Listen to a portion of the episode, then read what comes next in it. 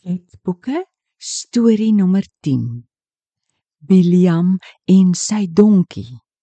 Numeri 22 tot 24. Lekker lekker storie tyd. Die Bybel vat ons ver en wyd. 'n Stories van die liefde vanaf daardie tyd. Sy liefde loop deur ons eie tyd tot Jesus kom vir die ewigheid. Waf, waf, waf. Hoef. Hoef. Hoef. Hallo julle. En Tobias, wat doen jy? Ehm, um, probeer jy en jou hondjie gesels? Ja. ek wens ek kon hom verstaan. Ek hoor jou. Het jy geweet daar was 'n donkie wat mense taal kon praat? Seker so hars, hars. Nee. Is dit die ernstig? Dis seker 'n ou gratie. Jy sal my glo as ek die storie van Biliam klaar vertel het. Hy was 'n waarsêr wat voorspel het wat later sal gebeur. Hy het geleef in die tyd toe die Israeliete amper amper in Kanaan sou intrek. Koning Balak van die Moabiete het Israel by sy land gesien verbytrek. Hy het gehoor dat hulle ander volke gewen het en die ou raak toe bang. Hy wonder wat hy moet doen. Vra raad by die Midianiete en kry toe 'n plan. Die mense praat van die Biliam wat mense kan vloek of seën en dan gebeur presies wat hy gesê het. Ek gaan hom laat haal. Leiers van Moab en Midian het toe 400 km gereis met 'n handvol geld om by Biliam uit te kom. Hulle vertel hom toe dat Balak bang is vir Israel en dat hy hulle moet kom vervloek sodat hulle verslaan kon word. Dat sê Dilian toe. Biliam was nie regtig 'n profeet van die Here nie, maar hy het van hom geweet. Hy het besef hy sal die Here moet vra wat om te doen, want Israel is die Here se volk. Hy sê toe hy wil die nag vir die Here vra of hy mag saamgaan. Daai nag praat die Here met hom. Biliam, wie is die manne by jou? Biliam vertel die Here toe dat Balak wil hê hy moet die Israeliete kom vervloek.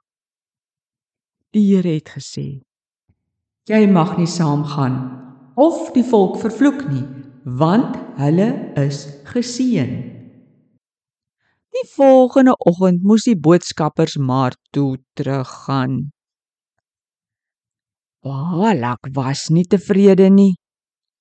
Hy stuur toe belangriker mense en beloof baie geld aan Biliam. Ja. En wat doen Dilian toe? Biliam sê toe: "Al gee Balak sy paleis vol goud en silwer vir my, mag ek niks doen wat die Here nie gesê het nie." Maar al het Biliam so gesê, lees ons op verskillende plekke in die Bybel dat hy darm baie lus was vir daai geld. Daarom het hy weer vir die boodskappers gevra om 'n nag oor te bly. Die Here praat toe weer met hom. Gaan tog nou maar saam met hulle. maar doen net wat ek vir jou sê. Die Here het binne in sy hart gesien en geweet van die lus vir geld. Die volgende oggend saal hy sy donkie op en begin ry na Balak toe. Hy ry nog so lekker. Toe vat sy donkie sommer die pad hier in die veld in.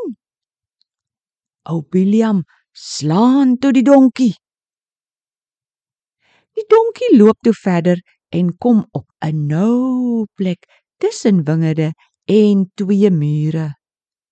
Die donkie loop styf teen die muur en druk Biliam se voet vas. Weer slaan Biliam die donkie.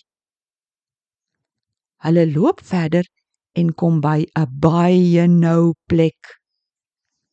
Daar gaan lê die donkie toe sommer in die pad. William word so kwaad dat hy die donkie met 'n stok slaan. En daar gebeur die wonderwerk. Die Here laat die donkie praat met 'n mens se stem. Wat het ek aan jou gedoen dat jy my nou al drie keer geslaan het? William was so kwaad dat hy nie eens besef hy praat met 'n donkie nie. Nee, maak asof ek dom is. Ons ek swaard gehad het, het ek al sommer doodgemaak. Die donkie antwoord: "So waar, As ek nie jou ou getroue donkie wat nog altyd mooi met jou gery het nie, doen ek gewoonlik dit. William antwoord toe. Nee, En toe maak die Here William se oë oop. Daar sien hy wat die donkie nou al 3 keer gesien het. In die pad staan 'n engel van die Here met 'n swaard reg om te veg. Die engel sê toe vir Biliam: "Kom, slaan jy jou donkie? Amper het ek jou doodgemaak, maar die donkie het jou nou al 3 keer beskerm. Ek sien jy is op 'n verkeerde pad. William skrik hom koud. Val voor die engel neer en sê hy sien nou hy was verkeerd. Hy sal omdraai as die Here dit wil hê. Draai hy toe om. Nee. Die engel het gesê hy kan gaan, maar moet net sê wat God sê. Toe William by Bala kom, laat hy hom teen 'n berg uitklim dat hy mooi die volk Israel se kamp kon sien. Balak sê toe: Vervloek hulle nou. William het gevra hy moet 7 altare bou en twee diere op elke altaar offer. Hy self het een kant toe geloop en vir God gevra wat om te sê. Hy kom toe terug en seën die Israeliete en vertel hoe goed God vir hulle gaan wees. Otsie. Dadelik raak toe seker kwaad. Balak vat hom toe na twee ander berge en weer seën Biliam die Israeliete. Na die derde keer was Balak boos. Hy het gesê: Maak dat jy wegkom na jou eie plek toe. Die Here het gemaak dat ek jou niks gaan betaal nie.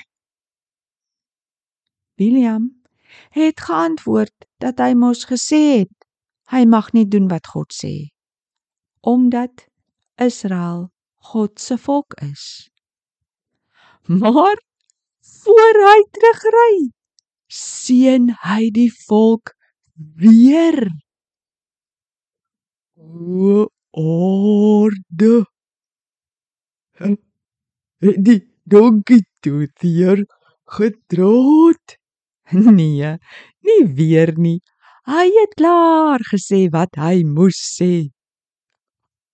Donnie. God kon binne in die leon sien.